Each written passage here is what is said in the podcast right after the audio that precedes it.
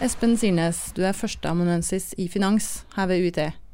Og du mener at man ikke bør investere i aktivt forvaltede fond. Hvorfor det? Det er jo fordi at uh, de uh, ofte koster mye mer enn det, de, enn det, du får igjen i avkastning. Så forskninga viser jo det at det er egentlig ikke noe å, tjene på aktivt forvalta fond.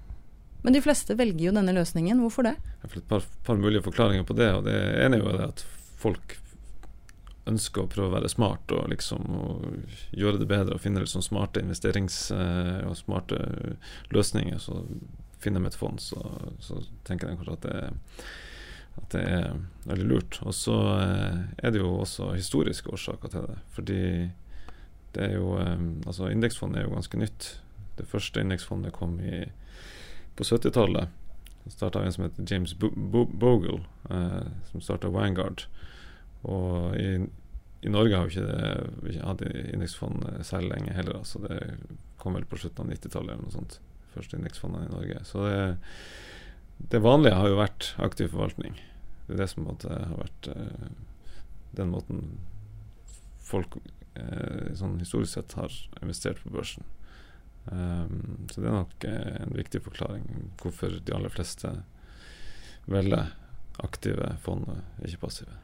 Og det er jo også sånn at uh, bankene tjener best på, uh, på sånne her, aktivt forvalta fond som skal levere høyere avkastning enn en børsen. Og, og da, da, vil jeg markedsføre de her. Og det er også disse fondene her som har, de har høyest kostnader, og da har de også mest ressurser til markedsføring. så det er ganske naturlig at bankene først og fremst ønsker å pushe de aktive fondene fremfor uh, billige, passive indeksfond. Bankene lurer oss på en måte, er det det du mener? Ja, jeg tror ikke bankene er Altså at de, de som jobber der, eh, sitter si, bevisst og prøver å, å, manipulere og lure kunden. Det er nok mer det at de også er, er sikkert overbevist om at om at det her er smart. Uh, men uh, kunden blir likevel lurt, selv om det kanskje ikke er så bevisst. På hvilken måte da? Uh, jo, fordi kunden får et inntrykk av at disse fondene er bedre enn det de egentlig er. Og det er jo fordi bankene bruker jo et sett med teknikker for å få fond til å fremstå som bedre enn det det er. For så en eh, veldig vanlig teknikk er jo det at man eh, starter opp veldig mange fond. Eh, og da er det alltid sånn at det er noen fond som vil gå bra, og noen vil gå dårlig, bare med ren tilfeldighet. Og da, etter fem år, så drar de fram det beste fondet fra Flosshatten.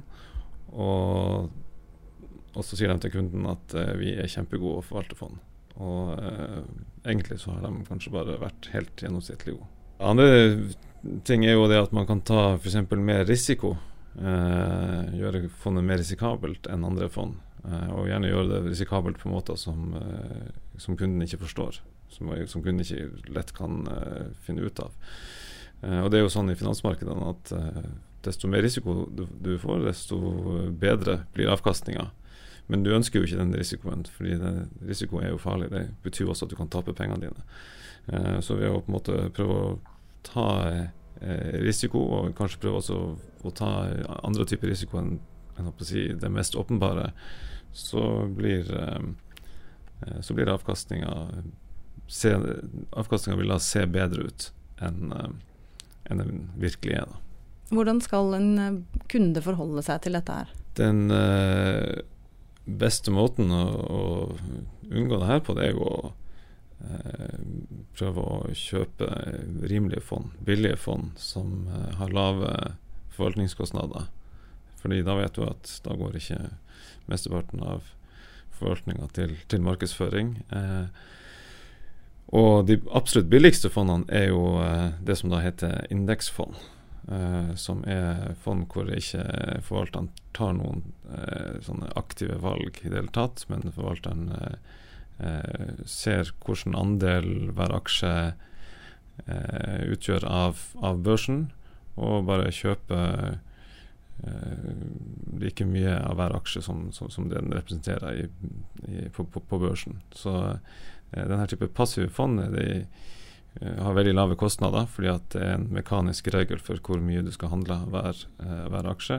Så det er, det er rimelig, og, og, og forskning viser at du får omtrent samme avkastning, kanskje litt høyere faktisk, med, med indeksfond sammenligna med, med, sånne aktive fond.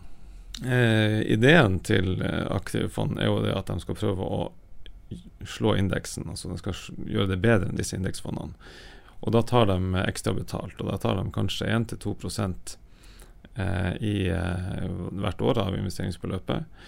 Og Det betyr at eh, de må plukke aksjer og være så geniale at de slår indeksen med mer enn 1-2% hvert år, og det er ekstremt vanskelig å, å gjøre det bedre enn indeksen sånn eh, konsistent over tid.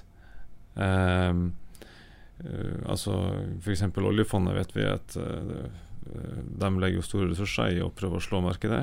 Og de eh, klarer det ikke. De klarer kanskje å slå markedet med noen eh, tidels prosent, men også det er eh, litt sånn omstridt om det egentlig er ekstra risiko de tar. De fleste er kanskje ikke så inne i finansverdenen som eh, det du er, eller andre som er eksperter på det her. Så hvordan skal man da forholde seg til dette? På hvilken måte bør man angripe det hvis man har lyst til å virkelig få en god avkastning, da? Det første man bør gjøre, er kanskje at man bør innse det at det er, dette markedet er veldig eh, effektivt. Det er veldig vanskelig å få ekstra avkastning uten å ta ekstra risiko.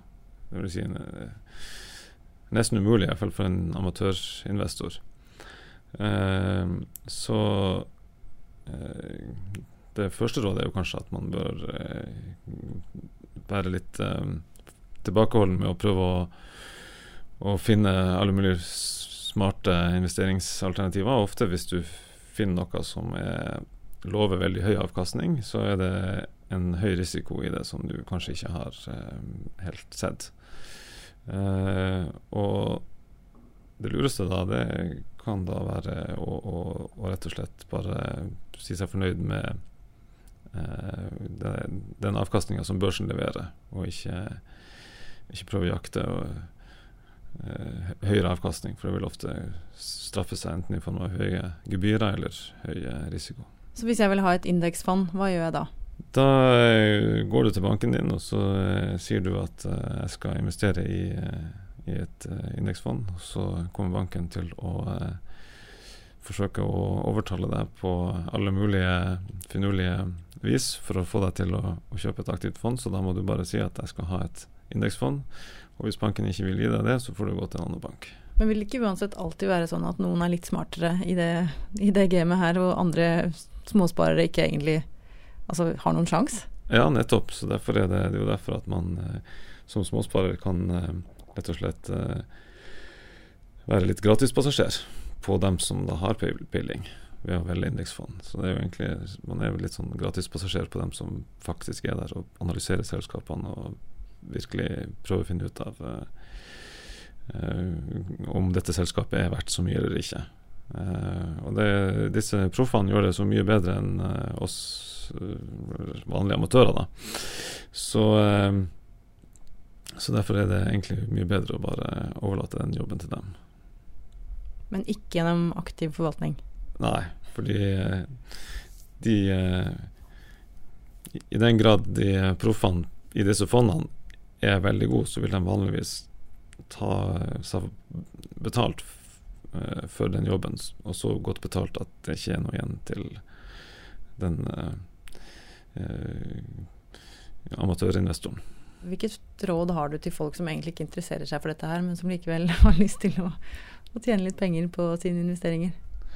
Ja, mitt råd hvis du ikke har noe særlig peiling, og, og, men at du vil ha litt høyere avkastning enn det du får i banken, så er det jo um, absolutt lurt å, å spare i, i, aksjer. fordi at du tar litt risiko, og hvis du, skal, hvis du har litt tid på deg, at du skal spare til uh, kanskje 10-20 år fremover, så eh, får du jo mye høyere avkastning på aksjer enn du får på, eh, i banken.